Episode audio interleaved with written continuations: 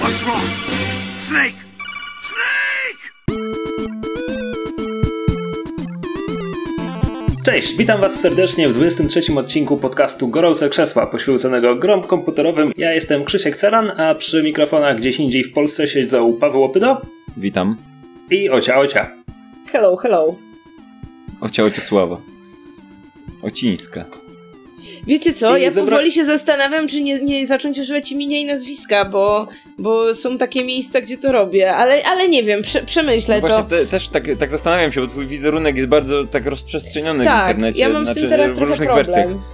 Więc- Rozgranulowany. I ja zauważyłem też, że czasem używasz dwóch pierwszych imion, czasem y, tylko jednego i ja nie wiem tak naprawdę. Nie wiem, ostatnio zmieniałem, wprowadzałem zmianę na stronie podsłuchanej i nie wiedziałem jak ci mam podpisać tak naprawdę. No ja się zastanawiam, W po prostu, czy jak się zacznę przecież- przedstawiać imieniem i nazwiskiem, to czy ludzie będą wiedzieli, kto to jest, czy nie pomyślą, że o mój Boże, znowu jakaś nowa gęba w tym podsłuchane, na co nam to, oddajcie ocie. Nie, a nikt nie będzie tak nazywa pisał. się Ocean Soul, więc też nie wiem kto go znajduje szukając Oci. Twój fanpage już się nie nazywa Ocean Soul, co więcej, tak? To jest twój Mój fanpage, się fanpage teraz nazywa się e, Marta Ocean Soul Najman, więc jeśli ktoś szuka oci, to, jest nie znajdzie Ocean mnie. Soul do tego. To, jak, już było. Marta, Marta Ocia Najman, to jeszcze, ale e, Ocean Soul to już kompletnie, nie? To już, to już to brzmi jak nazwa blogerki modowej. Dziś będziemy rozmawiać o grach wideo. I w Właśnie. E, E, tak. tak. tak, gdyż albowiem e, odezwaliśmy się do słuchaczy, hej, podrzucajcie nam tematy i proszę, dostaliśmy temat. E, konkretnie słuchaczka Kretka zadała nam takie pytanie, odwołując się do czytu czytu oczywiście. E, na czytu czytu był odcinek o książkowym roku i o tym, jakie książki dziewczyny lubią czytać w konkretnym czasie w roku. Może tożsamy odcinek o grach? Czy są jakieś gatunki albo może tytuły, które ogrywacie w konkretnym czasie w roku? Czy są w ogóle gry, do których wracacie mniej lub bardziej regularnie? Także dziękujemy słuchaczce Kretce za to pytanie. Możemy zacząć od tego drugiego, bo jest, że tak powiem, kluczowe. Czy są w ogóle gry, do których wracacie mniej lub bardziej regularnie? Bo nie jeśli ma. nie, to, był będzie krótki 23 odcinek. odcinek Gorących Krzeseł. Dziękujemy za słuchanie. Zajrzyjcie na naszego Facebooka. Nie, są. Są. Ułożyliśmy się chyba tak, żeby wszyscy prowadzący dzisiejszy, dzisiejsi mieli coś takiego, do czego wracają regularnie. Czy to jest jakiś gatunek, czy to jest y, jakaś konkretna gra, więc y, chyba wszyscy możemy powiedzieć, że tak. Więc Ocia, zacznij, powiedz, jakie to są dla ciebie. Nie, może nie wszystkie, nie wymieniajmy teraz wszystkich. Tylko jak słyszysz, powiem ci tak, Ocia, zadam ci pytanie. Jak słyszysz gra, do której wracasz, to co ci pierwsze przychodzi do głowy? Baldur's Gate. E, bo to jest tak, że teraz wracam do gier zdecydowanie mniej niż kiedyś, ale ale zdarza mi się to czasami. Nie, że tę grę skończę, ale zdarza mi się, że wraca do mnie taka fala nostalgii, że sobie przynajmniej jakąś grę z mojej, powiedzmy, przeszłości odpalę i przesiedzę przy niej wieczór, dwa, może trzy. Potem z reguły już nie mam czasu i nie mam tego czasu dłuższą chwilę i zapominam, że chciałam do tej gry wrócić, ale jeśli faktycznie odpalam coś z takiego, powiedziałabym, czystego sentymentu, to to jest Baldur's Gate. Yy, jedynka i dwójka. Yy, I w tych klasycznych wersjach, i później wyszły te takie edycje, tak zwane enhanced, to też mi się zdarzało. I no jakby mnie teraz ktoś zamknął e, w piwnicy z, z leciwym komputerem, to grałabym pewnie dalej w Baldury. I. em, i zastanawiam się, z czego to wynika, bo to nie tak, że uważam, że to jest najlepsza gra, yy, najlepszy RPG, czy coś w tym stylu. No chyba wydaje mi się, że to jest kwestia tego, że kiedyś dawno temu spędziłam przy tej grze największą liczbę godzin, jaka mi się zdarzyła z jakimkolwiek tytułem i sam fakt, że to jest takie, wiecie, to jest takie znajome, to jest takie, że z jednej strony wracam do tej gry, a z drugiej strony wracam do czasów, kiedy tę grę poznawałam, kiedy życie było lepsze, łatwiejsze, trawa zieleńsza i nie płaciłam rachunków za prąd. Y, Czy pamiętasz ile to jest, bo powiedziałeś, że największą liczbę godzin poświęciłeś. Czy masz jakieś to policzone, albo chociaż mniej więcej? No mam to mniej więcej oszacowane, no bo y, przejście jedynki, dwójki i dodatku, tak, ze wszystkim, no to myślę, że jedno przejście to może być jakieś 250 godzin, no i myślę, że przesz przeszłam całość, tak nie wiem, z 6 razy. Mhm, mhm. Bo, bo ja ostatnio policzyłem, y, znaczy inaczej, przestałem liczyć moją karierę w World of Warcraft na 7,5 tysiącu godzin na jednej postaci. Y, I Okej. więc, No więc, dobrze, to nie mam y, startu. Zastanawiałem się. Zastanawiałem się. Oscar też ma zbliżony wynik z tego co wiem, tylko że y, w World of Warcraft jest, ta, jest tak, że ja gram jedną postacią w kółko, a na przykład Oscar za, za, przy każdym dodatku Oskar Rogowski, komiksomaniak 616. Y, Gdyby ktoś nie wiedział o kim mówimy, z, z kanału na komiksomaniak 616 i napisów końcowych i Comics Weekly. Oscar, jego kanał już się nie wiem, nazywa to... Komiksomaniak, tylko jego kanał nazywa się Oskar Rogowski. Oskar Rogowski się nazywa, a okej, okay. Oskar Rogowski 616. Tak. W każdym razie Oskar, Oskar z tego co wiem przy każdym dodatku do World of Warcraft gra nową postacią. I po prostu skacze między tymi postaciami. Prawdopodobnie rozwija też te pozostałe, tylko po prostu przeskakuje, a ja gram od zawsze jestem y, wierny mojemu trollowemu łotrzykowi i, i, i mój trollowy łotrzyk z 7,5 tysiąca godzin ograny to jest to jest zbyt, zbyt wiele. No nie wiem. Troll nie to chyba jedyna ale... postać, z jaką jesteś w stanie spędzić 7,5 tysiąca godzin tak, ale bardzo podobno do mnie w ogóle, nie? Tak charakterologicznie, ale y, ja sobie zapisałem, y, jakby pierwsza gra, która mi przychodzi do głowy, to jest ciekawe, bo y, a propos tego, co ty podałeś, bo to jest u mnie Fallout 1 i 2. Mhm.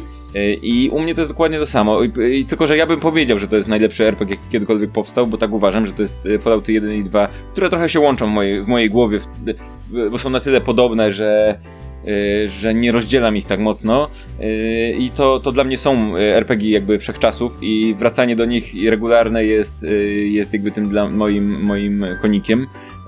A ciekaw jestem, co jest u Krzysztofa na przykład. Wiesz co, wydaje mi się, że to są trzy tytuły i to będzie Vampire the Masquerade Bloodlines, Deus Ex pierwszy i Jedi Knight 2 Jedi Outcast. Przy czym tak naprawdę wydaje mi się, że a nie, czekaj. W zasadzie wszystkie trzy powtarzałem sobie w ciągu ostatnich kilku lat.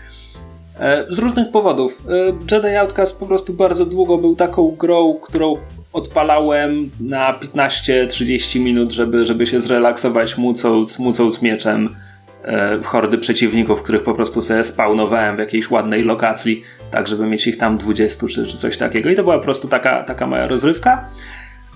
Deus Ex i, i Vampir no, zalety Vampira wymienialiśmy z Rafałem dwa odcinki temu, więc nie, może nie będę się powtarzał.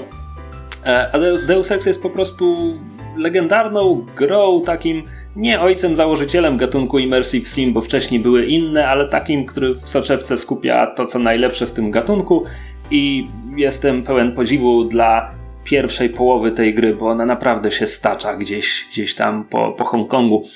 E, I nigdy jej nie skończyłem tak naprawdę, e, ale wielokrotnie wracałem. Okay. Ciekawe, bo ja na przykład mam e, Jedi Academy, to chyba też kiedyś rozmawialiśmy o tym, że, że ja jestem Team Jedi Academy, a ty Team Jedi Outcast 2. E, tam, tam Jedi były Academy... delikatne różnice w modelu walki. Ja wolę mhm. Jedi Outcast. E, ja pamiętam, że. Znaczy, w, ja pamiętam, że Jedi Academy zawsze mi bardziej podchodziło, dlatego że. Mm, i to o tym też chyba już mówiłem, że czułem taką, to, to, to ten proces, że to okej, okay, to ja tworzyłem tą moją postać i to ja jestem tym młodym Jedi, a nie wcielam się w jakąś postać, która już jest ustanowiona w loże, mimo że tak naprawdę w praktyce to wszystko się działo w mojej głowie, bo tam jakby nie było, to nie była gra RPG, tam nie było żadnych wyborów, tam były wybory dotyczące co najwyżej kolejności wykonywanych misji, albo tego, czy, czy jak, z jakich mocy się korzysta, a i tak tak naprawdę ostatecznie wybór z zakończenia po ciemnej albo po jasnej stronie mocy to był po prostu no wybór w momencie gry. Na końcu się dochodziło do momentu momentu, w którym się można tam dokonać tego wyboru e, i, i tak naprawdę wybory w, jakby w ciągu gry nie, nie miały większego znaczenia, e, ale mimo to jakby grając, układałem sobie w swojej głowie charakter tej postaci, e, to co ona sobie myśli na temat tego, jak ta historia się dzieje i jasne, od, od paru lat nie grałem, dlatego że teraz nie mam na czym tak naprawdę. Myślę, że gdyby wyszedł jakiś, ja bym chciał, żeby, żeby wyszedł jakiś teraz remaster czy coś takiego, może jest Jedi Academy 2 w ogóle, bo to nie wiem, czy to były czasy PS2, bo gry z PS2 w ogóle są y, dostępne na PS4, dostępne są nie w, w takim, to nie jest, nie jest jakby e, wsteczna kompatybilność, tylko podejrzewam, że tam jest włączona jakaś wirtualna maszyna, która po prostu symuluje PS2 i odpala. Ja ostatnio odpaliłem Star Wars Racer, super jest. Star Wars Racer jest ekstra. Wygląda brzydko, ale, ale gra się fantastycznie, naprawdę. Mm, więc może gdzieś tam jest Jedi, Jedi, Jedi Academy, tak, może jest. Byłoby miło. To ciekawe, że i ty i Ocia wspomnieliście o sprzęcie, bo ja w tym momencie już rzadko wracam do gier, które znam, ponieważ od paru lat mam mniej czasu na granie, więc po prostu wolę skupiać się na, na tytułach, których jeszcze nie znam. Natomiast w swoim życiu miałem tak ze trzy okresy wieloletnie, kiedy ja zwyczajnie nie miałem na czym grać w nowe gry. W sensie miałem jakiegoś peceta, który był już wieloletni albo albo miałem laptopa, który się praktycznie rozpadał. I to były dla mnie, mówimy dosłownie o okresach, które mogły mieć tak do 3-4 lat. To były okresy, kiedy wracałem albo do gier, które poznawałem jako mały nastolatek, albo w ogóle do klasyki starożytnej historii gier komputerowych, których y, nie miałem okazji wcześniej poznać. E, I to były takie momenty, nie wiem, no, jak siedziałem w Chinach rok, miałem sobie jakiegoś żełcha rozpadającego się, mówię o laptopie, e, to był moment, kiedy pierwszy raz przeszedłem pierwsze Monkey Island. Jakby cykl uwielbiam i w pierwszą część też grałem, ale lubię ją mniej niż dwójkę i zwłaszcza trójkę, e, więc nigdy nie miałem cierpliwości. A jak nagle nie miałem komputera, na którym poszłoby cokolwiek stworzonego po 1994, nie miałem wyboru i przeszedłem to Monkey Island. Jeszcze się chcę odnieść do czegoś, co Krzysiek powiedział, czyli wielokrotnego zaczynania gier, których się nie kończy. Bo ja miałam dużo takich tytułów i mm, no nie, nie, no nie, są to właśnie gry, które przychodzą mi w pierwszej kolejności, kiedy myślę o powrotach, ale ojejku, jest cała grupa tego, jak się tak głębiej zastanowię, gier, których po prostu zaczynałam je no, mnóstwo, mnóstwo razy i jakoś tak wyszło, że nigdy ich nie skończyłam. Takim czołowym przykładem chyba jest Arkanum, bo Arkanum zawsze było za, za wielkie. To znaczy w momencie, kiedy ja odkryłam tak. tę grę, to to już niestety był ten okres, kiedy nie miałam już tyle czasu, co, co kiedyś, bo to już był okres tak co najmniej połowy studiów i później, więc ja w Arkanum to tak zawsze była byłam w stanie dojść do jakiegoś momentu, kiedy po prostu ta gra robiła się dla mnie zbyt olbrzymia i, i, i, gdzieś tam mnie przerastała. Potem jak sobie przypominałam, że o, Arkanum, no to musiałam zaczynać od nowa, bo już nikt nie byłby w stanie spamiętać, gdzie byłam, gdzie nie byłam, co robiłam.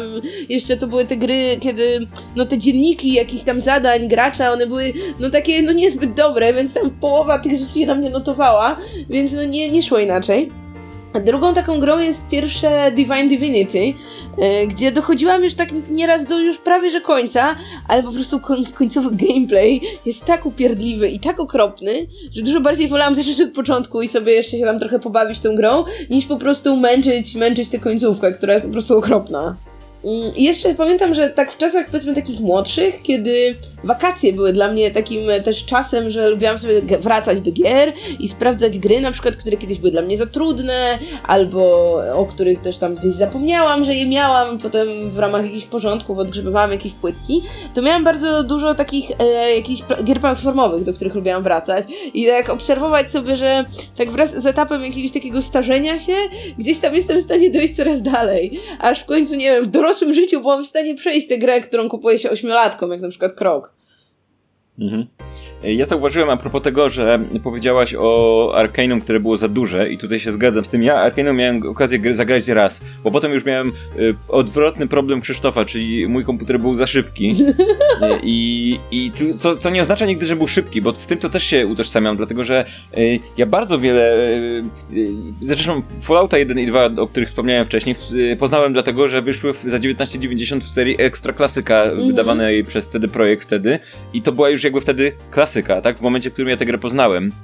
Ale po prostu y, nic, nic y, nowego nie, nie chodziło na moim komputerze. Przy tym jakby teraz jestem y, konsolowcem, co sprawia, że mam gwarancję, że każda gra, która w tym momencie wychodzi przez całą generację konsol będzie mi szła na tej konsoli, więc, więc mam znowu odwrotny problem, ponieważ rynek gier, mam wrażenie, i jej sprzedaży, zwłaszcza, zwłaszcza cyfrowej, stał się na tyle duży, że Gry są na niesamowitych promocjach zaraz po premierze praktycznie. Nagle się zaczynają promocje 30%, a potem są nagle rozdawane za jakieś 19 zł tytuły, które kosztowały 250 przy starcie.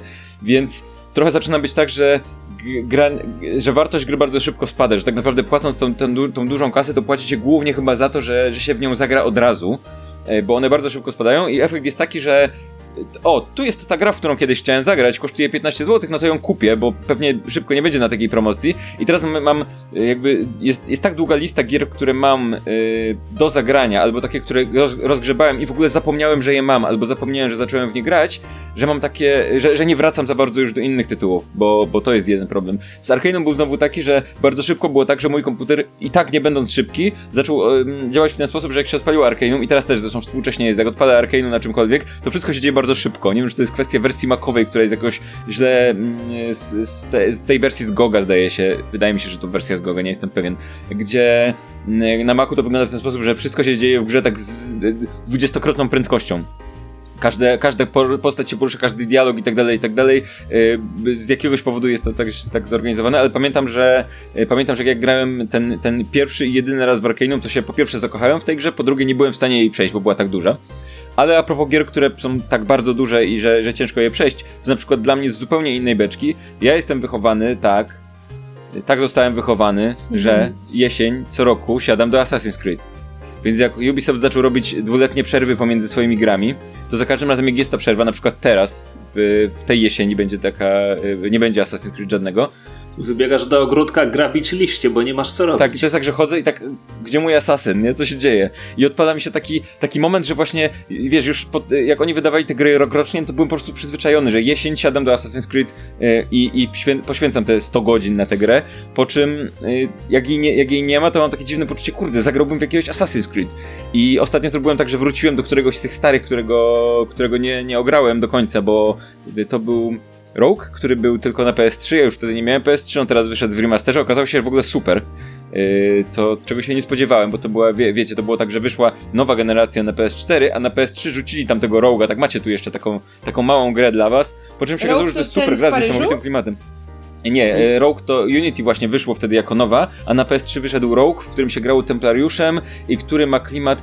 Mm, to jest, y, to jest, on ma klimat jak Assassin's Creed 3, tylko w zimie, więc tam się pływa okrętem okay. po, y, po, wiesz, po zamrożonych, y, po zamarzniętym oceanie. Jest taki serial, był taki serial, który się niedawno o właśnie jakiś terror. tam 8... Terror, tak, to jest klimat terror po prostu, to jest jakby, jakby, ten, absolutnie, to jest, to wyszło przed tym serialem, ale jak widziałem te fragmenty tego serialu, to miałem, o, Assassin's Creed Rogue, I, I w ogóle się okazało, że poza tym, że trochę się zestarzał technologicznie, bo dziś te gry trochę inaczej się w nie gra, trochę inna jest obsługa i tak dalej, i tak dalej, i trzeba się było trochę przyzwyczaić do tego, że aha, tam wspinanie było zagadką, a te, teraz po prostu naciskasz i się bohater wspina, no to jakby klimat y, i, i to wszystko dawało radę naprawdę bardzo mocno, więc y, ten, tą ostatnią przerwę y, między asasynami przetrwałem w ten sposób, że tego Oroga ograłem, ale tak to jakby to nie jest, mówię, to nie jest gra, do której wracam, bo to jest za każdym razem nowa część jakaś, ale to jest jakaś seria, która jest dla mnie, jestem przyzwyczajony, że co, każdej jesieni siadam do tej, do tej gry.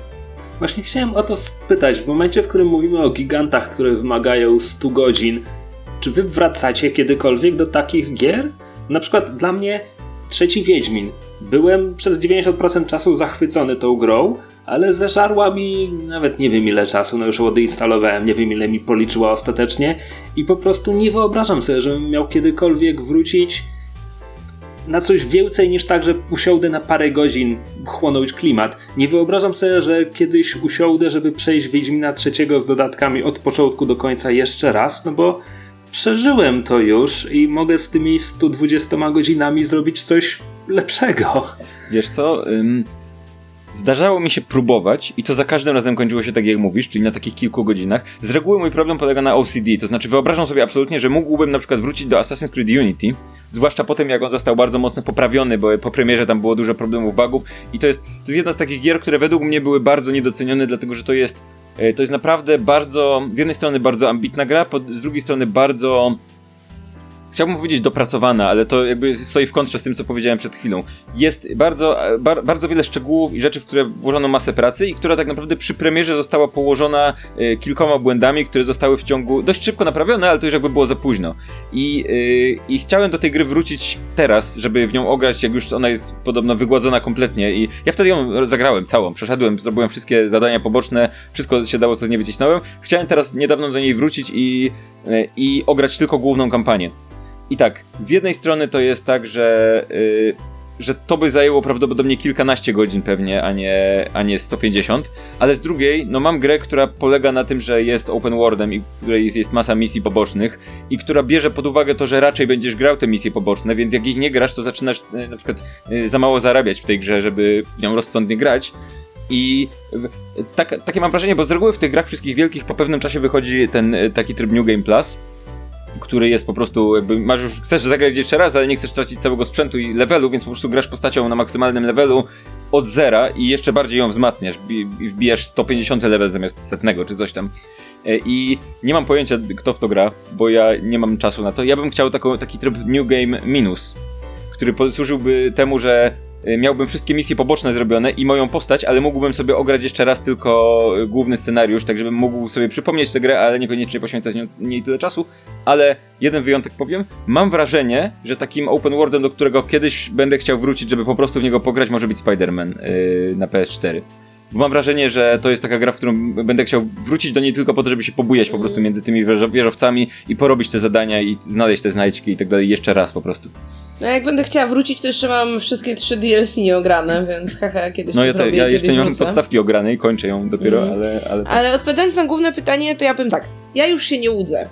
To znaczy, jeszcze, jeszcze nie tak dawno temu, jak y, grałam w niektóre z właśnie z tych dużych RPGów, takich wiecie, z wyborami, gdzie są różne ścieżki, gdzie można mieć jakąś dużą drużynę i nigdy nie ma miejsca na wszystkich, to jeszcze sobie powtarzałam, że o, przy drugim przejściu to zrobię to inaczej, tamto inaczej, wezmę tych. To jeszcze było, słuchajcie, przy Dragon Age Inquisicja. I No Jezu, to gra jest słaba. I nie, nie wróciłam do niego nigdy. Ja lubię Inkwizycję, bardzo lubię Inkwizycję i ja bym chciała wrócić do tej gry, bo mam też do niej DLC, w której nigdy nie zagrałam, bo je kupiłam już jakoś później i później już nie pamiętałam do końca tam jakichś rzeczy, więc też sobie mówiłam, a to zacznę od nowa kiedyś i przejdę wtedy z dodatkami. I, I to jest moje jedno z takich, wiecie, takich, takich małych marzeń, że o, żeby kiedyś mieć tyle czasu, żeby móc wrócić do tych gier, które już znam i które mi się podobały i żeby sprawdzić, co, tak, co tam jeszcze w nich czyha. Ale no, myślę, że szanse na to są minimalne. Yy, W przypadku takich gier jak Wiedźmin, gdzie jednak ta ścieżka jest dużo bardziej mm, liniowa, powiedzmy, gdzie nie ma aż tylu rzeczy, których nie wiem, a większość sobie tam doczytałam, przypuśćmy, że nie wiem, są trzy różne zakończenia, no to wiem, jakie są te pozostałe, bo przeczytałam, więc jakby w tej grze to już w ogóle nie mam czego szukać i no nie ma szans, żebym do, nich, do niej wróciła. No a za każdym razem, kiedy myślę o tym, o, zagrałabym w coś, w co już tam grałam, ale żeby jednak sprawdzić, co tam jeszcze jest w tej grze, no to przypominam sobie o tym całym stosie gier, w które jeszcze w ogóle nie grałam, no i one wgrywają. Po pierwsze, po pierwsze dlatego, że ja dosyć późno teraz weszłam w tę ostatnią generację konsol i czuję na, na, na karku taki trochę oddech Sony, że za chwilę będzie PS5 i ja muszę przecież przejść jeszcze te stos gier z PS4, w które wszyscy już grali, a jeszcze nie, bo pewnie potem one nie będą działać i tak dalej, i tak dalej. Albo A będą już, wiesz, kolejne nowe gry. co mnie super, super jara. Zastanawiam się w ogóle, jak to będzie zrobione. Czy będzie można wsadzić płytę i zagrać, czy będzie trzeba kupować wersje, wiesz, cyfrowe, bo jak tak, to gorzej. Już te gry już nigdy nie wrócą do nas. Ale wiesz, ja tak miałam jak sprzedawałam PS3, sprzedawałam je w ubiegłe wakacje, czyli no naprawdę późno, razem ze stosem gier, których na przykład nigdy nie włożyłam do napędu. I, I to mnie tak bolało. No plus jako osoba, która jednak ma też gdzieś tego PC wciąż do grania, no to tam mam ciągle jakąś bibliotekę 200 gier na Steamie, które też nigdy nie były odpalone. Więc no po prostu nie ma szans w tym momencie, żebym do gier wracała. Wydaje mi się, że te na lata temu ta sytuacja wyglądała no zupełnie inaczej. No bo tak jak Paweł, kupowałam jakąś tę grę w tej ekstra klasyce za te dwie dychy i zanim wyszła tam kolejna, albo zanim, nie wiem, uzbierałam na kolejną, albo ulepszyłam komputer. Zanim były po raz kolejny w galerii handlowej, to Tak, minęło, to no to właśnie, ograć no trzy wiecie, no to s- siedziałam i grałam w tego cholernego Bar- Baldur's Gate'a przez Galerii handlowej, nie, czekaj, jeszcze nie było galerii handlowych. W Carrefourze, zanim byłem ostatnio, po, po raz kolejny. No, a teraz wiecie, są te ciągle, nie wiem, co, co dwa tygodnie wychodzi jakiś nowy Humble Bundle, gdzie płacę 3 dolary i mam 6 nowych gier i zero czasu, żeby to, to zagrać. No to, to, to jest straszne, to jest koszmar. Ale... Jeśli dobrze kojarzę najnowsze statystyki, codziennie ukazuje się 20 nowych gier na Steamie, więc z tego wychodzi coś koło 7 tysięcy rocznie. To, to tyle, ile ja godzin grałem w World of Warcraft, nie? Więc Wracając do czegoś, o czym ja zaczęłam mówić, bo ciekawa jestem, jak ten aspekt wygląda u Was, bo właśnie jeden z tych, gatun- jeden z tych gatunków, do którego wracamy, czy wracaliśmy, no to właśnie RPG, tak, takie rozbudowane. I ciekawa jestem, czy jak do nich wracacie, to po to, żeby właśnie odkryć kolejną nową ścieżkę, typu a tą klasą postaci jeszcze nie grałem, a z tym NPC-em jeszcze nie, nie, nie szedłem, czy może macie taki bardziej swój, nie wiem, ustalony schemat, że jak pierwszy raz podjęliście jakiś wybór, no bo to był, wiecie, ten wasz wybór, no to potem jak gracie kolejne razy, to jakby już odtwarzacie ten swój schemat i wcale nie macie ochoty sprawdzać jakichś innych rzeczy dla, powiedzmy, takiego, wiecie, samego sprawdzania, co tam scenariusz zaplanował, no bo, no bo nie wiem, nie zgadzacie się z tym wyborem i tak dalej. Bo ja zawsze miałam tak, że jak gram te kolejne razy, no to właśnie po to, żeby odkryć, wiecie, odkryć te kolejne nowe rzeczy. Jak grałam w tego Baldura, to za każdym razem inną klasą, żeby mi dali inną twierdzę i starałam się jak najwięcej podjąć tych wyborów, których jeszcze nie podjęłam, tylko po to, żeby właśnie wiedzieć, co, co, co by było gdyby. Wiesz co, to trochę zależy od gry w moim wypadku. Na przykład przy wspomnianym wampirze, tam teraz wszyscy wiedzą, ale jak grasz Malkawianem, masz zupełnie inne opcje dialogowe i co więcej, musisz to zrobić przy drugim przejściu, bo grając za pierwszym razem Malkawianem nie zrozumiesz połowy To z byłam nich. ja. E, tak, ja też za pierwszym razem grałem Malkawianem, dopiero potem przeszedłem grę kimś innym i dopiero potem wróciłem i tak. E, więc tam można tak to zrobić. Natomiast próbowałem, e, robiłem sobie powtórkę z trylogii Mass Effect. Ostatecznie powtórzyłem tylko pierwsze dwie części, ale e, ro, robiłem powtórkę z założeniem, że dobra, to będę podejmował inne decyzje i stwierdziłem, że nie jestem w stanie tego robić. Częściowo, częściowo dlatego, że jakby ja lubiłem historię swojego Sheparda i teraz jak grałem Shepardował, to tylko, przepraszam, Shepardówną, to tylko interesowało mnie ewentualnie flirtowanie z kimś innym, a częściowo dlatego, że BioWare jednak nie bardzo potrafi w dwie ścieżki i czasami po prostu ten wybór, którego nie dokonałem poprzednim razem, po prostu zamienia twoją postać w buca. Albo tak jak w Mass Effectie drugim, owszem, możesz dokonywać innych wyborów dotyczących postaci, tylko wtedy poginą ci w finale, no to po cholerę to robić. A ten jeden inny wybór, którego specjalnie jakby trzy razy rozgrywałem kawałek gry, bo coś mi tam nie wychodziło, potem w końcu doczytałem. Ch- Chodzi o to, że e, jedna z postaci, która jest albo albo, to jest albo ta paladynka Asari, która się Morint nazywa... albo Samara. Właśnie, więc oczywiście za pierwszym razem miałem Samarę, a za drugim razem stwierdziłem, no dobra, to przetestujmy tę Morint. Tylko okazało się, że żeby ją zrekrutować trzeba mieć jakieś absurdalne over 9000 punktów Renegade, więc ostatecznie musiałem sobie hakować grę, żeby sobie dodać tych punktów, ponieważ to jest idiotyczne. E, I w końcu jakby autentycznie zajęło mi to dużo czasu, bo musiałem dojść do tego, że nie mogę tego legalnie zrobić, więc potem szukałem sposobu to jak sobie nabić te punkty nielegalnie, hakując grę i w ogóle. I w końcu udało mi się, zrekrutowałem Morinth i po prostu poczułem, że, że twórcy mi faka pokazali, bo ona przychodzi do nas na pokład i nam mówi, to ja się będę podszywać pod moją matkę, w związku z czym cała załoga reaguje tak, jakby nic się nie wydarzyło. Więc to jest po prostu, no to była parodia, a nie, a nie konsekwencja wyboru.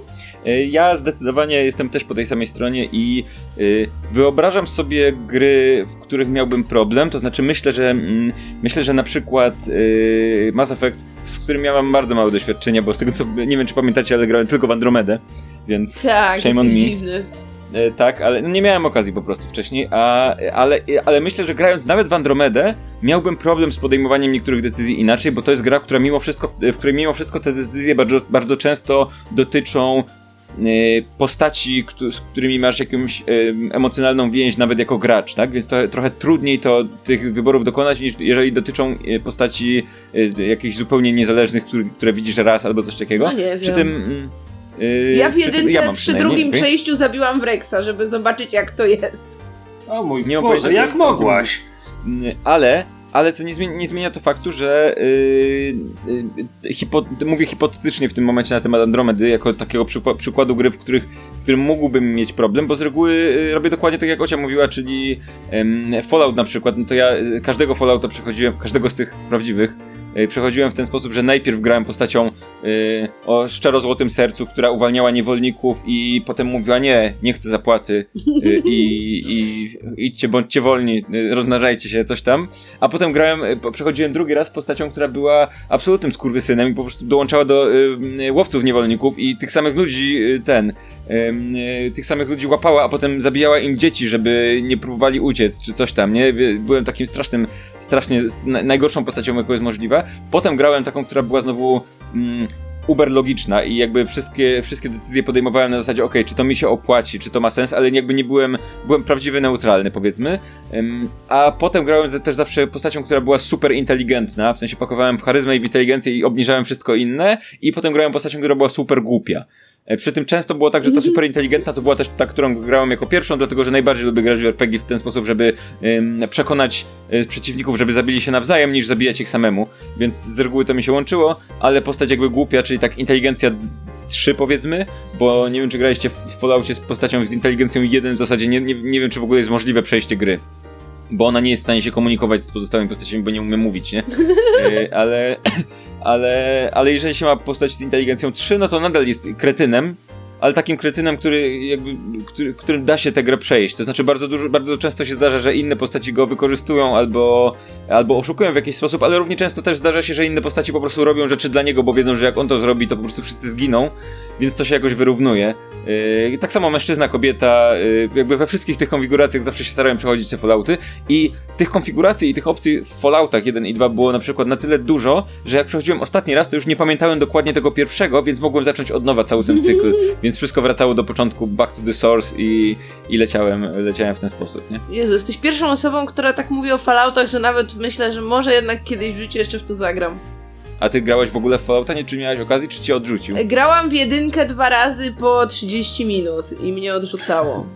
No, ciekawe. Spróbuj dwójkę usiąść, bo dwójka ma wiele rzeczy, które Mhm. są poprawione, między innymi brak wiszącego licznika nad głową, który mówi ci graj w e, grę RPG jak, jak najszybciej, bo zginiesz. Wiesz co, to nie chodziło o licznik, to chodziło o to, że ta gra mi kazała turowo walczyć ze szczurami, w które nie mogłam trafić i mnie to szalenie irytowało. A, wiesz co, to jest, to jest początek, y, to, to, to jest problem Fallouta, że one oba, zwłaszcza, a zwłaszcza drugi tak naprawdę, na początku dają ci tutorialowy level, tam były jakieś afery, skąd on się w ogóle wziął i dlaczego on powstał, który trzeba zacisnąć zęby i go przejść. W pierwszym to jest to przejście przez jaskinię i walczenie ze szczurami, y, a drugi to jest przejście przez świątynię prób.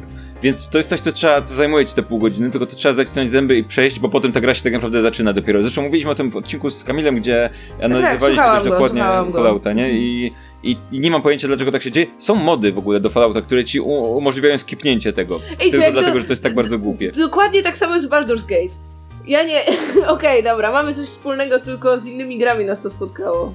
To znaczy, jeśli chodzi o Fallouty, jeśli te mody pozwalają skipnąć każdą walkę, to dopiero wtedy mógłbym z, z czystym Ja sercem uwielbiam, ja polecić uwielbiam walki w Falloutie, po prostu ja, ja To nie jest dobry Mi się system. bardzo podobało, zwłaszcza jak się podciągnęło ten wskaźnik gore na maksa, a jeszcze w Falloutie jest ta niesamowita rzecz, że że jest, na początku się wybiera te perki i różne cechy postaci i tak dalej, i tak dalej i jedną z nich jest mm, Krwawa Nie- łaźnia. Krwawa łaźnia, i na pewno jest krwawa No. łaźnia, ale y, czy jest zły omen, czy, czy to, to jest to samo, nie pamiętam. W każdym razie jest taka, w której wszystkie postaci mają pecha.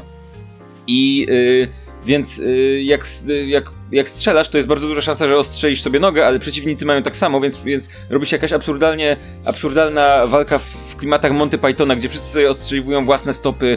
Y, Pies, pies tam, y, to co Adam ostatnio opowiadał, że pies ma krytyczną porażkę i odgryza sobie własną łapę, czy coś takiego. Y, Jakieś takie kompletnie abstrakcyjne rzeczy, ale ta walka staje się wtedy po pierwsze bardzo szybka, po drugie bardzo śmieszna, więc to polecam, jeżeli ktoś nie cierpi grania w tej, tej walki dorowej w Falloutach 1 i 2. To, co mówiłeś o przechodzeniu postacią nastawioną na inteligencję, charyzmę, na gadanie z ludźmi, to jest zazwyczaj moje, moje domyślne pierwsze przejście do wolnego RPGa. Oczywiście potrafię się rozczarować, jeśli to jest na przykład Skyrim i okazuje się, że nie bardzo tam można gadać z kimkolwiek o czymkolwiek. Natomiast e, Planescape Torment jest grą, do której wracałem parokrotnie, ale przeszedłem tylko raz i tak naprawdę tak wgryzłem się głęboko chyba też tylko raz bo ona jest nastawiona na to, że przejdziesz ją postacią nastawioną na inteligencję i charyzmę i na gadanie, bo w przeciwnym wypadku połowa fabuły przelatuje ci nad głową, po prostu nie masz do niej dostępu, co umówmy się, nie jest najlepszym designem gry. Hmm. E, Natomiast jeśli chodzi o takie wracanie do RPG, żeby sobie obejrzeć inną ścieżkę, no to ja sobie zawsze mówiłem, że wrócę do Wiedźmina drugiego, żeby obejrzeć tę ćwierć gry, które mnie ominęło w drugim akcie, bo poszedłem za elfami, a nie tymi rasistami ludźmi. Serio? Ale można oczywiście- w tej grze iść z elfami? W sensie wiem, że można, tylko w sensie czemu ktoś miałby to robić? To znaczy, to nie jest najlepiej zaprojektowane, szczerze mówiąc, nie nie jest najlepiej wymyślone, bo w momencie podjęcia decyzji Geralt nie ma żadnego racjonalnego powodu, żeby iść za Jorwetem, Tak. ale ja byłem po stronie nieludzi w pierwszym Wiedźminie i stwierdziłem, że mój Geralt będzie przynajmniej konsekwentny w tej kwestii.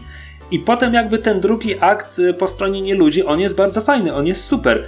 Chciałbym zobaczyć ten drugi akt po stronie ludzi, ale Wiedźmin 2 to jest gra na 40 do 60 godzin i kto ma na to czas, więc, więc e, nigdy tego pewnie już nie zrobię. Cóż, drugi akt po stronie ludzi to był ten moment tej gry, przy którym odpadłam chyba dwukrotnie, więc... ym, Tak? Ni- nigdy nie przeszłaś dwójki? Nigdy nie przeszłam drugiego Wiedźmina, bo mnie irytował głównie swoim gameplayem. I tym, że ten drugi akt po stronie ludzi był strasznie nudny. A serio? A widzisz, bo bo ostatnio trafiłem na jakiś artykuł tam Rock Paper Shotgun ma taką cykliczną kolumnę, czy graliście wy, gdzie przypominają jakąś grę sprzed od dwóch lat do 22 lat. I właśnie ostatnio był Wiedźmin drugi, w którym ktoś się zachwycał tym drugim aktem po stronie ludzi. Hmm. No ja jestem trochę uprzedzona, jak mówię, do drugiej części, bo dla mnie gameplayowo to jest najgorszy Wiedźmin. Yy, Ale jest tam dużo ten, wiesz, system jest... walki i tak dalej. Nie, ja, ja po prostu, ja pokochałam trójeczkę, a dwójkę, po dwójce miałam spory uraz. Znaczy dwójka ma bardzo specyficzny ten system walki, ale chyba jest tą, którą najlepiej wspominam jako taką, gdzie był jakiś pomysł na tę walkę. Ten pomysł był taki, że jesteś czołgiem, który ma miecz i jak odwróci się plecami do przeciwnika, to zginie, ale to jest więcej pomysłu niż w pierwszym i trzecim. Ale powiem wam, że jedynkę przyszłam dwa razy i to właśnie dwa razy starając się grać jak najbardziej inaczej. Jezus Maria, nie przypominaj mi. Ja jedynkę przeszedłem tylko raz, ale pierwsze 15 godzin przeszedłem dwa razy, bo zrobał mi się komputer i wcięło mi save'a, w którym byłem już pod koniec drugiego aktu, czy coś takiego. To było więcej niż 15 godzin. W, w jedynce jest coś takiego, że na początku trafia się do tej takiej biednej części miasta i jest tak. jakaś zaraza, która ci ten ogranicza ten ym, i mój komputer wtedy pozwalał mi grać w tę grę swobodnie do momentu, jak się dochodziło, kiedy ta druga część miasta się otwierała, bo wtedy po prostu przestawała działać gra. W sensie włączała mi się jedna klatka na sekundę, bo tam, nie wiem, było więcej ludzi, inne budynki, nie mam pojęcia o co chodziło, ale po prostu nie byłem w stanie grać dalej, więc dotarłem do, dokładnie do tego fragmentu gry. Ograłem wszystkie fragmenty mapy, które jeszcze miałem dostępne i tam jakieś zadania yy, jakby wcześniej, ale potem już jakby po, po, tej drugiej części nie byłem w stanie się poruszać. A propos w ogóle podejmowania decyzji, tu jest off-top zrobię. Czy wy pamiętacie yy, po, pomysł na podejmowanie decyzji, który pojawia się na początku chyba każdego, bodajże od trzeciej części, a na pewno od czwartej yy, Far Cry'a? Yy, a Nigdy nie grałem żadnego Far Cry'a. Ale kojarzysz początek Nie grałem, ale wiem o czym mówisz. Jest, jest początek Far Cry 4, który wygląda w ten sposób, że bohater y, udaje się do fikcyjnego kraju w Azji, żeby odwieźć tam chyba prochy swojej matki czy coś takiego, no i jego konwój, czy jego y, taki bus, który jedzie, zostaje y, zaatakowany, no i pojawia się tam autorytarny władca w, różowej, w różowym garniturze, władca tego kraju, który który jakby zabiera go, no i siada tam jego i tam gościa, który jest jego, znaczy bohatera i gościa, który był jego przewodnikiem przy stole, po czym tam grozi albo zabija nawet tego, tego drugiego typa i mówi ci, siedź tu i czekaj, ja za chwilę wrócę. I idzie gdzieś tam, nie wiem, torturować kogoś czy coś takiego. Nie, zostawia ciebie przy po prostu stole pełnym jedzenia. I e, scenariusz się zaczyna w ten sposób, że bohater dostaje, tam się zaczyna się oczywiście kręcić po pomieszczeniu, po chwili ktoś się z tobą komunikuje, pomaga ci uciec i zaczyna się gra ale możesz też po prostu zrobić to, co on ci mówi, czyli siedzieć i czekać i on wtedy wraca i mówi ci, no dobra, to ja cię podwiozę tam, gdzie ten, te prochy masz zawieźć, wsadzę cię do helikoptera, wiedzieć tam, gdzie masz to zrobić, robisz główne zadanie i gra się kończy. I koniec. I trwa to 3 minuty. Więc to a propos y, wyborów. I zresztą w kolejnej części jest dokładnie to samo. Powtórzyli to w y, piątce, tak. W piątce jest, jest dokładnie to samo. Y, z, już nie chcę dokładnie wchodzić w szczegóły, ale zasadniczo racjonalne zachowanie, y, które polega na tym, że okej, okay, nie, nie, nie myślenie w stylu jestem w grze, więc muszę iść w miejsca, prowadzi do tego, że gra się w zasadzie kończy w najbardziej logiczny sposób.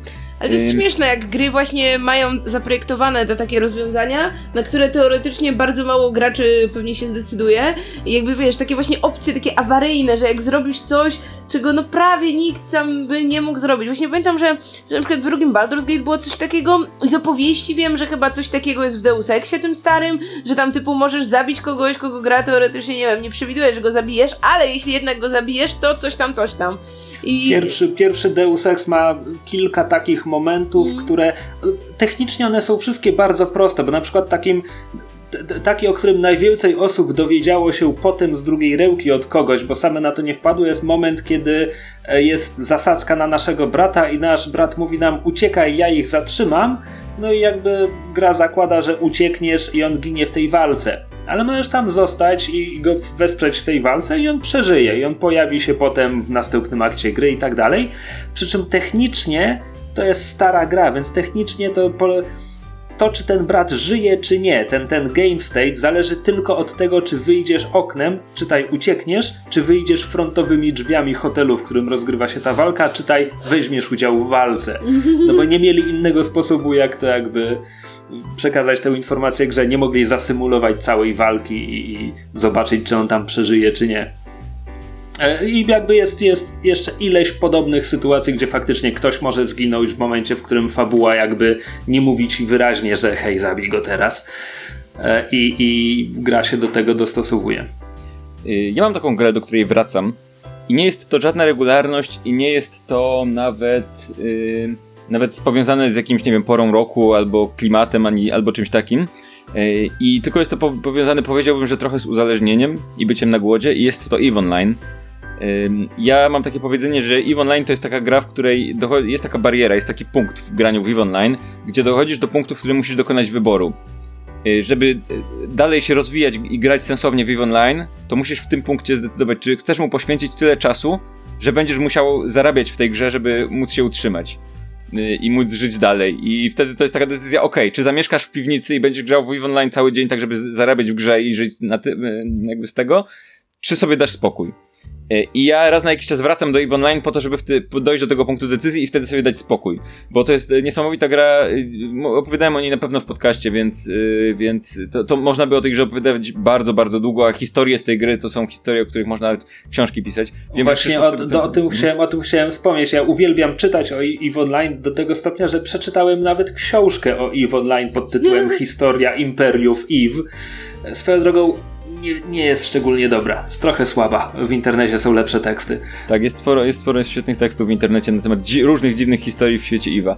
Y, ale, mm, ale to jest taka gra, która ma. która po pierwsze wymaga bardzo dużo czasu. Po drugie, niekoniecznie w tym czasie się wiele dzieje, bo to jest troszkę momentami trochę jak Red Dead Redemption. Na przykład, jeżeli przewozisz y, towar w swoim statku kosmicznym z punktu A do punktu B, to zasadniczo, jeżeli zakładasz, że lecisz przez kilka bezpiecznych sektorów, no to lecisz. To jest po prostu podróż przez kosmos, która jest niesamowicie piękna w tej grze, e, bo, bo tam w ogóle to latanie po kosmosie wygląda super efekciarsko, no ale polega tak naprawdę na ustalaniu punktów, w których się e, wskakuje do w takie portale, którymi się przelatuje e, nad, w nadprzestrzeń, potem wylatywania z tych punktów, ale można też włączyć autopilota. Autopilot jest głupi, więc on, on ląduje daleko od tych punktów i potem do nich manualnie do, do, dolatuje, więc więc to trwa, zwłaszcza, że nie możesz sobie, autopilot nie włącza przyspieszeń jakichś tam thrusterów czy czegoś tam, więc, y, więc y, najlepiej to robić manualnie, ale to jest nadal głupia robota, więc efekt jest taki, że gra pomaga graczom, żeby mieli co robić w grze, żeby się nie nudzić. W związku z tym na przykład w grze jest wbudowana przeglądarka internetowa, że możesz sobie przeglądać internet lecąc statkiem kosmicznym, ale co jest moją ulubioną rzeczą, w grze jest wbudowane radio internetowe, gdzie są stacje radiowe wewnątrz EVE online. Więc masz część graczy grając prowadzi też stację radiową dla innych pilotów. I ro robią to jakby e, in, in charakter, nie? I masz RPGowe ten. Moglibyśmy prowadzić tam nasze podcasty na przykład.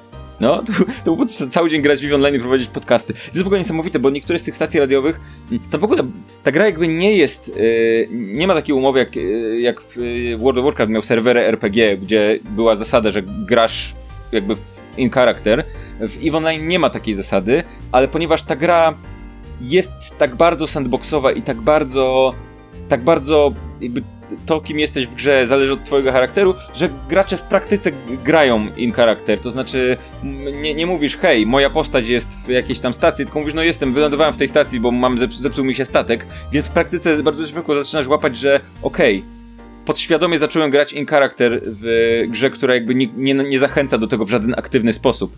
I to jest też niesamowita rzecz, bo faktycznie lecisz przez ten sektor, wpadasz do tego sektora i ktoś pisze, hej, uwaga, piraci tam na jakimś tam, leć bezpiecznie, nie? I na privci ktoś pisze, bo tam w ogóle jest też bardzo wysoka kultura graczy w EVE. Nie mam pojęcia dlatego, dlaczego, być może dlatego, że pierwsze co grać je uczy to nawigowanie w trójwymiarowej przestrzeni bez punktów odniesienia, które jest y, prawdopodobnie trudniejsze niż większość gier w ogóle.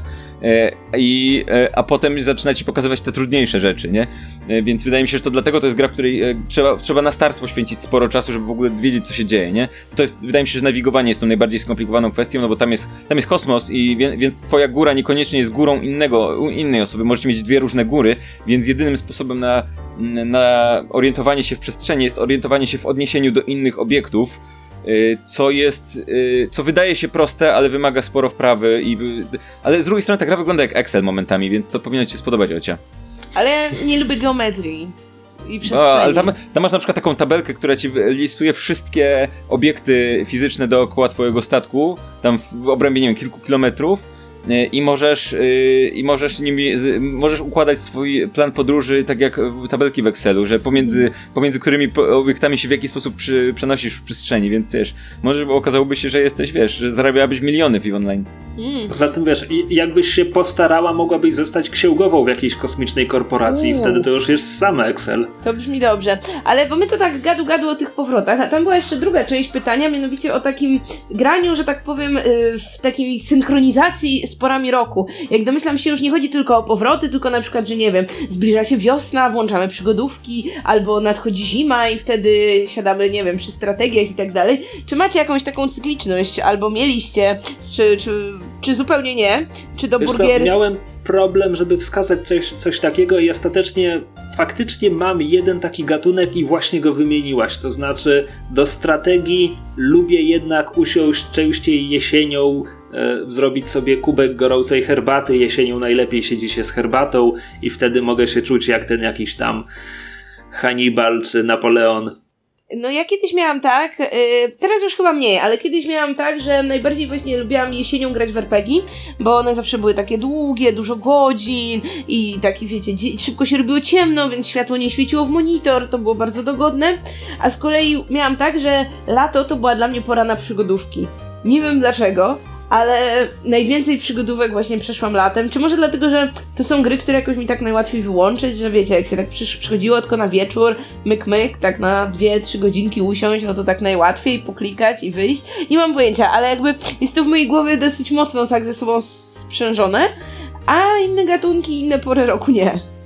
Twój cykl zauważyłem w ten sposób, że y, jesień, zima to są dla mnie właśnie te gry, które wymagają dużo czasu i siedzenia. Przy tym częściej jakby z siłą rzeczy y, jesienią siadają do tych asasynów. E, Ewentualnie jak to wychodziło Watch Dogs, no to wi- więc to takie bardziej duże gry, ale raczej akcji. Mm, A, a zimą, długie zimowe wieczory, no to było to siadanie do, do RPGów. Ale znowu z drugiej strony, jak się zaczyna wiosna czy lato, to zaczynam mieć y, chęć powrotu do, do online'owych gierek, więc wtedy zaczynam, wracam do jakiegoś Destiny, wracam do jakiegoś World of Warcraft.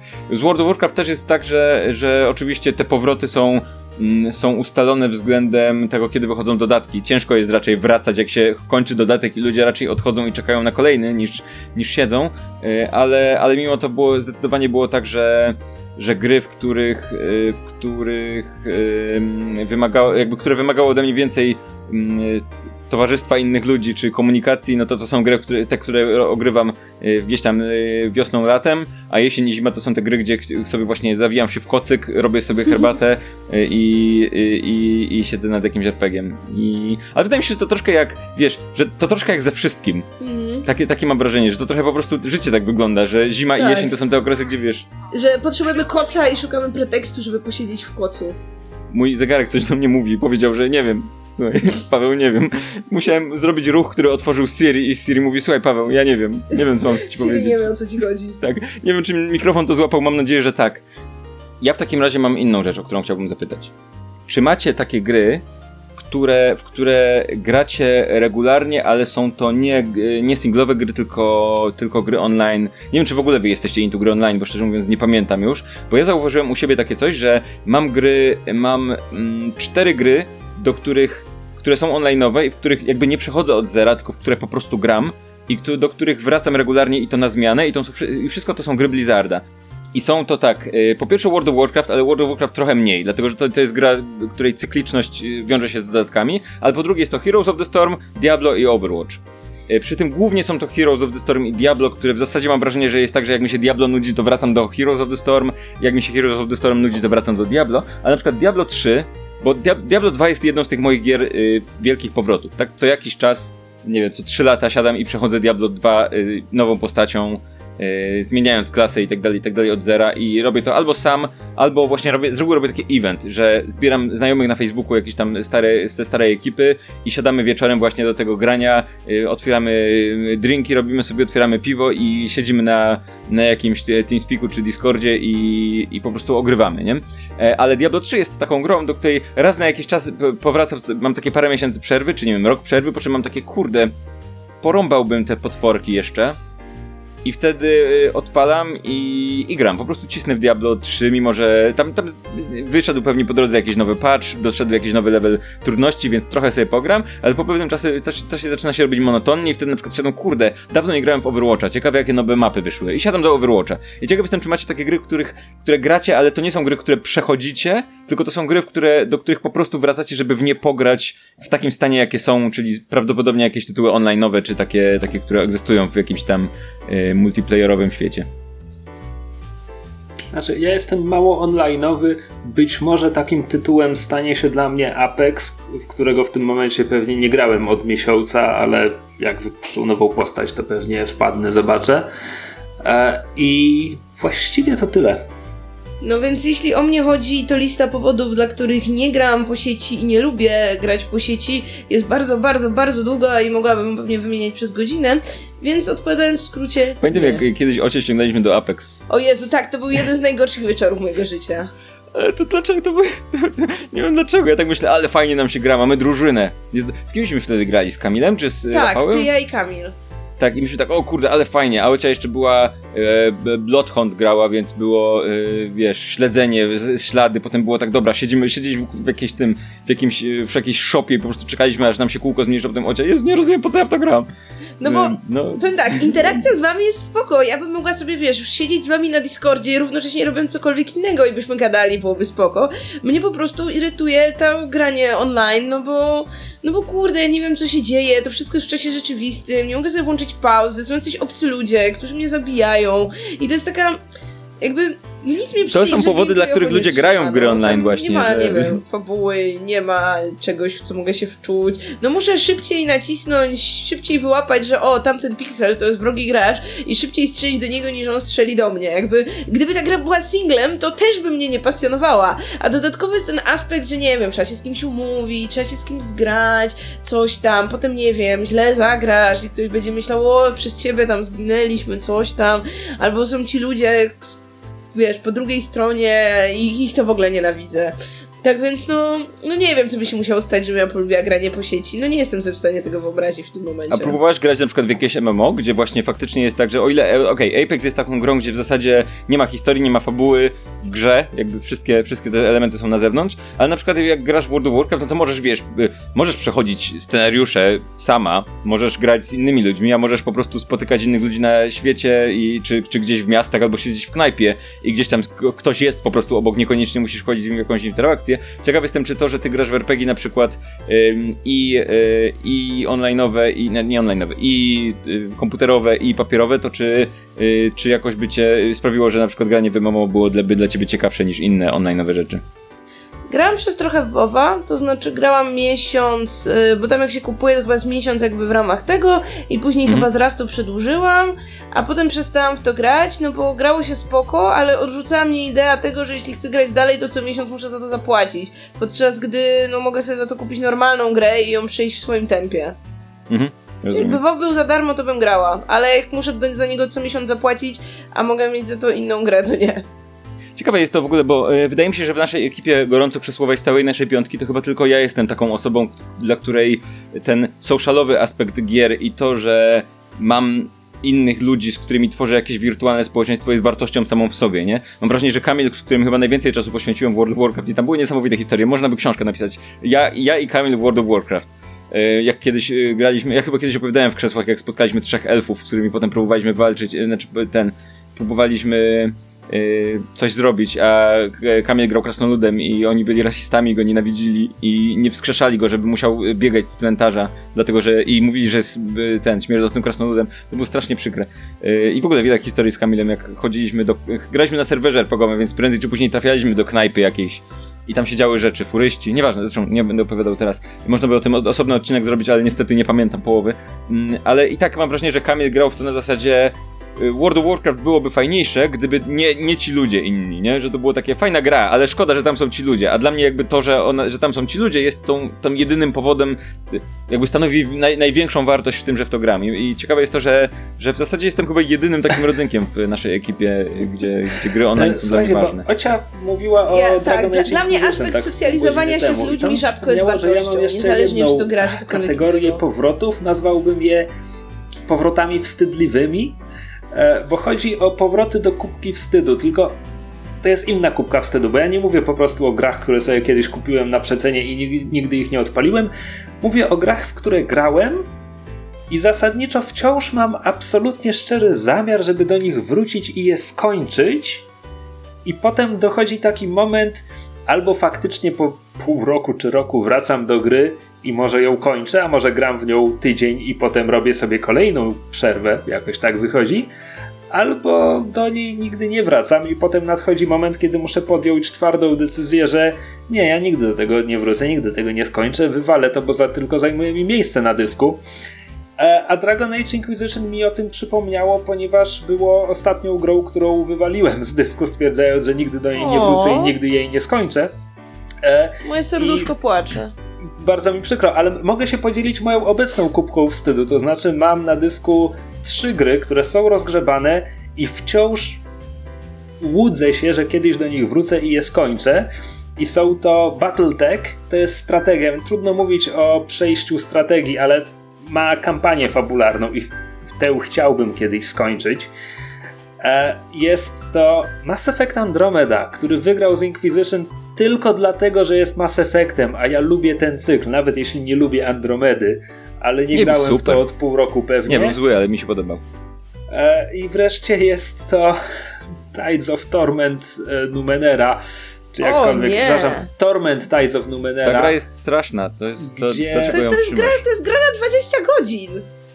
No, ja 20 godzin przeszedłem- cierpienia, wiesz, wyobraź sobie, że 20 godzin ci wyrywają paznokcie, to nie jest gra ma fajne. tytuł Torment, Paweł, czego się spodziewałeś? A Nie ja wiem, gry- przeszedłem pewnie jedną trzecią tych 20 godzin i to było pewnie dwa lata temu i wciąż sobie mówię, że kiedyś ją dokończę. Ale nie wiem, czy to prawda i być może następnym razem, kiedy będę podejmował twarde decyzje, to za Andromedą poleci też Numenera. Pytanie, czy wy macie taką rozgrzebaną kubkę wstydu? Kubkę rozgrzebanego wstydu? Czy No ja, grzebiecie Andro- w jeśli kubce chodzi o moją Andromedę, to przez pewien czas miałam dokładnie e, to, te złudne nadzieje, które ty masz, ale już e, pożegnałam się z nimi jakieś pół roku temu. Przyszedłem na 100% tę grę, jestem też jedyny w podcaście chyba. Jezus, ja nie, ja nie wiem, czemu, czemu myśmy się tak dobrali w tym podcaście. No. A myślę, że mam coś takiego jeszcze. Mm, Właśnie, czy, czy macie na przykład w tym momencie gry rozgrzebane pół roku temu, co do których łudzicie się, że do nich wrócicie? Ja myślę, że Watch Dogs będzie dla Watch Dogs 2 będzie dla mnie taką grą, bo pograłam w nią łącznie może nie wiem, z 3 godziny i no nie jest to najgorsza gra, w jaką grałam. Ma pewne zalety, ale jest tyle gier, w które wolę grać, że to będzie gra na zasadzie, a może kiedyś do ciebie wrócę, ale nie, nigdy nie wrócę. Ale to jest ciekawe na przykład, bo, y, bo ty y, wciągnęłaś się na maksa w Horizon Zero Dawn, więc wydawałoby się, że to nie jest tak, że nie lubisz open worldów albo coś Ja takiego. bardzo lubię ale open dla mnie, worldy. że lubisz ten? Lubię, bardzo lubię.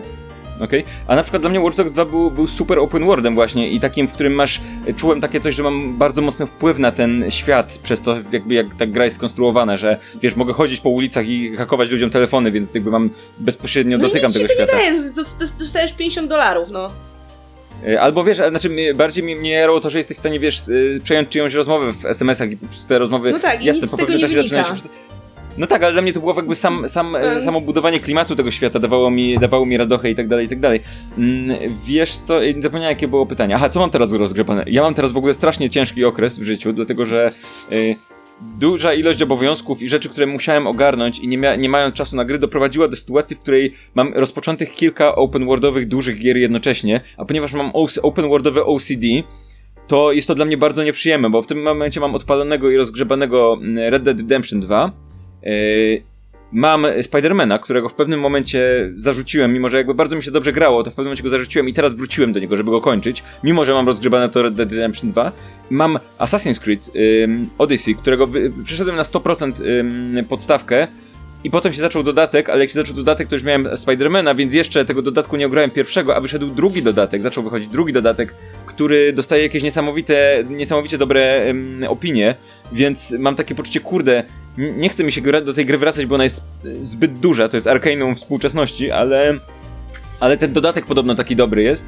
E, I jeszcze teraz wyszło Days Gone, który dostałem od Sony, bardzo dziękujemy Sony, y, bo y, mamy O, też y, dostałam, musimy krzesłach się omówić, żeby pogadać o tym. tak, 40% do gorących krzeseł dostało Days Gone do recenzji, więc będziemy rozmawiać. I który to Days Gone zrobił na mnie bardzo dobre pierwsze wrażenie. Grałem do tej pory niewiele. Oceny tej gry są takie, że sugerują, że to nie jest na, najlepszy z, z ekskluzywów na PS4, ale to, to, co grałem do tej pory, zrobiło na mnie bardzo dobre wrażenie. Naprawdę takie bardzo, bardzo, bardzo to, dobre. To graj, I wygląda graj. to, wygląda to jak gra, że zrobi się zła, czy zrobi się jeszcze lepsza? Bo to jest pytanie. Nie, żebyśmy mogli o niej pogadać, bo ja Dobrze, potrzebuję na- na motywacji, pewno bo będę grał, bo- ona mnie trochę wkurza w tym momencie. Okej, na pewno będę grał, bo mówię, zrobiło na mnie dobre wrażenie, ale to jest jakby kolejny, e, kolejna gra na 150 godzin, którą mam na swojej liście i mam zainstalowaną na komputerze, nie? I, i to Mm. sprawiło, że to jest, stało się bardzo dziwne. Z, po, zrobiłem też coś takiego, że kupiłem Borderlands. Dla, po naszym ostatnim odcinku, kiedy, e, pierwszym odcinku tego sezonu, kiedy rozmawialiśmy o Borderlands 3, e, kupiłem Borderlands, bo okazało się, że jest edycja na PS4 za jakieś 20 zł, czy coś takiego w promocji, e, ale całe szczęście chyba nie będę grał w tę grę dużo, dlatego że jest nie, niezbyt dobra. W sensie nie wiem jaka. To specjalnie tak powiedziałem, nie o to mi chodziło. System strzelania w Borderlands e, 1 jest tak bardzo, bardzo PS3 i. I to widać, w sensie jest naprawdę mało przyjemny. I chociaż podoba mi się klimat tej gry i. I teksty, i to jak wygląda, i tak dalej, bardzo dobre wrażenie na mnie robi, to strzelanie tam jest na tyle nieprzyjemne, że nie potrafię sobie wyobrazić, żeby mieć taką aktywną chęć tego, żeby usiąść do tej gry i postrzelać. Po prostu to jest bo, bo widać po niej to, że ma swoje lata, nie? E, przy tym e, Borderlands 1, ten kawałek, który przeszedłem, dał mi bardzo, bardzo mi e, włączył o, hype na, na Borderlands 3, bo, bo jakby mam, mam nadzieję, że to Borderlands 3 będzie, będzie tym samym klimatem i tym samym stylem, ale w, w bardziej współczesnej oprawie i z bardziej przyjemnym i współczesnym strzela, strzelaniem, nie? Więc mam teraz ciężki okres dla mnie, dlatego że roz, mam, mam przed sobą gry na tysiąc godzin pewnie, rozgrzebane jednocześnie i moje OCD nakazuje mi grać jednocześnie we wszystkie, a do tego jestem jeszcze kompletnie uzależniony od Apex Legends i po prostu za każdym razem jak mam te 15 minut przerwy od roboty, to, to siadam do Apex Legends, a nie do Red Dead Redemption, gdzie akurat osiodłam konia w tym czasie i będę musiał wyłączać, nie? Między innymi Coś dlatego nie lubię gier online, że one pożerają czas, w trakcie których mógłbyś przechodzić jakąś grę, która ma koniec. Bo która ma konie. Konie E, i co? koniec. Y, Wiesz co, ale y, znowu z drugiej strony, no bo na przykład, okej, World of Warcraft nie jest taką grą, do której usiądziesz na 15 minut. Tam jest tak, że jak usiądziesz, to 3 dni później wyłączasz. Ale y, ja na przykład z drugiej strony mam tak, że jeżeli mam 15 minut wolnego, no to co ja zrobię w tym Days Gone? Czy w tym Spider-Manie, sobie polatam trochę. Ej, no w Spider-Manie jest właśnie są te misje poboczne, spokojnie złapiesz jednego gołębia przez 15 minut. Ale ja nie chcę tego Zaszczepisz robić. Ja chcę, ryb. te, ja chcę robić te główne misje, bo te poboczne to już Jezu. pasowałem, wiesz? E, Ale, ale y, właśnie, właśnie to mam w w Heroes of the Storm czy, czy w Apex Legends, że w momencie, w którym mam właśnie mało czasu, mam nie wiem 15 minut czy 20 minut na meczyk, to, to mogę sobie go odpalić szybko i ograć i wrócić do pracy, a nie, a nie wciągnąć się w coś i zorientować się, że minęła godzina. E, Ja mam jeszcze jedną rzecz, o której e, chciałbym bardzo szybko powiedzieć i to jest to jest mój powrót, i, ale on jest e, krótki, w zasadzie nie mam więcej nic do dodania. Jest to seria Pokémon. Seria Pokémon to jest seria, do której nie jakoś szczególnie regularnie, ale to jest seria, do której powracam co jakiś czas, żeby sprawdzić, co się. To, to jest takie dziwne, bo to nie jest. To, nie, to, jest to jest niby seria, ale każda z tych gier jest identyczna absolutnie. Tylko się zmienia oprawa, ale jakby to jest. Każdy, jak się grało w jedną grę z serii Pokémon, to się gra, gra, wie jak gra we wszystkie. Ale raz na jakiś czas wracam, żeby zobaczyć, jak wyglądają te nowe e, Pokémony i, i to jest coś, do czego wracam i, i co, mimo że nie jestem jakimś takim super fanem Pokémonów, że tam, że, że gram je na bieżąco i nigdy nie przeszedłem żadnej z tych części, mm, to, to są, mam takie poczucie, że Pokémony są tym takim ciepłym czymś, do czego się wraca i wiesz, zakładasz kapcie, obijasz się w, w szlafroczek ciepły, robisz sobie herbatę i odpalasz Pokémony na Jezu, jakimś co z tą Switchu. herbatą? Trzeba będzie podcast o herbacie założyć.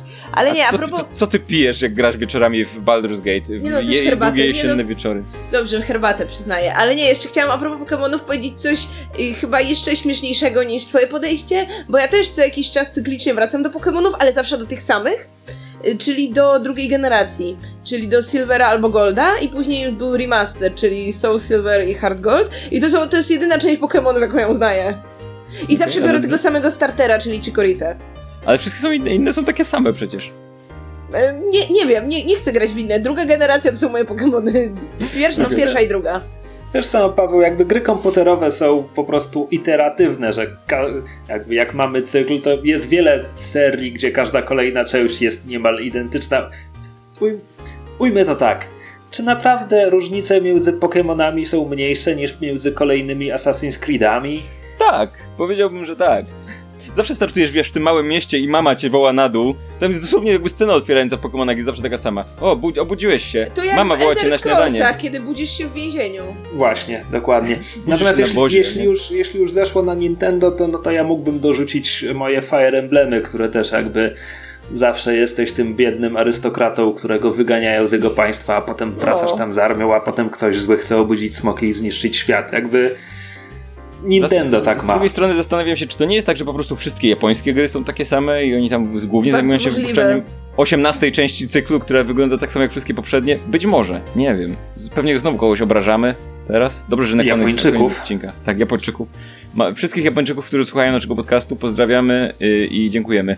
Y, co? Kończymy odcinek chyba na tym, bo y, polubcie nasze rzeczy. Podsłuchane.pl. Pozdrawiam. Y, Wypełnijcie ankietę. a właśnie, ankieta, jest ankieta, ja wstawię gdzieś Zaznaczcie, że gorące krzesła najlepszy podcast. Tak, jest ankieta, jak wejdziecie na podsłuchane.pl slash ankieta 2019, to jest tam ankieta, gdzie możecie napisać, y, co sądzicie o naszych podcastach, zasugerować jakieś zmiany, Albo ocenić, al, albo o nas ocenić y, różne rzeczy, które robimy. Możecie też zrobić to bardziej prywatnie, pisząc na gorące krzesła małpa podsłuchane.pl i tak jak dziś, ym, słuchaczka, tak? Krzysztof, kto Tak, nam słuchaczka? Kredka. Tak, Kredka podrzuciła nam temat na odcinek, to wy też możecie. Piszcie do nas gorące krzesło mam po podsłuchane.pl i na podsłuchane.pl znajdziecie też inne podcasty, które robimy między innymi yy, Czytu Czytu, które wraca, albo już wróciło w momencie jak tego słuchacie. No wraca chyba wróci, jakoś niedługo. wróci, wróci w tym tygodniu, kiedy tego słuchacie. Dobrze, więc y, Czytu Czytu k- książki. Książki są su- super, jak nie czytacie to możecie Też można pić herbatę czytając książkę. Tak, można, jak nie czytacie książek, yy, słuchacie podcastu i potem opowiadacie znajomym, tak jakbyście to wy czytali i oni wierzą wtedy, że aha, czytaliście, nie, spoko. Chyba, że też słuchają czytu, czytu, to gorzej. I yy, nietypowa prośba, yy, subskrybujcie nasz kanał na YouTube, bo mamy też kanał na YouTube. To jest yy, po pierwsze szybki sposób na dostawanie powiadomień o tym, co się dzieje. Po drugie, to jest ważniejsze, dzięki YouTube'owi docieramy do najszerszego grona nowych, yy, nowych słuchaczy. To znaczy, jeżeli nas subskrybujecie w innych aplikacjach i jest tam wam wygodnie słuchać, super, ale jeżeli dodatkowo nas zasubskrybujecie na YouTube, to być może trafimy do nowych ludzi, więc będziemy za to wdzięczni. Y, Podsłuchane.pl slash YouTube, tam znajdziecie nasz kanał i y, to tyle w tym tygodniu. Do usłyszenia za tydzień w kolejny wtorek. Y, Żegnajcie. Pa, pa. Cześć. What's wrong? Snake!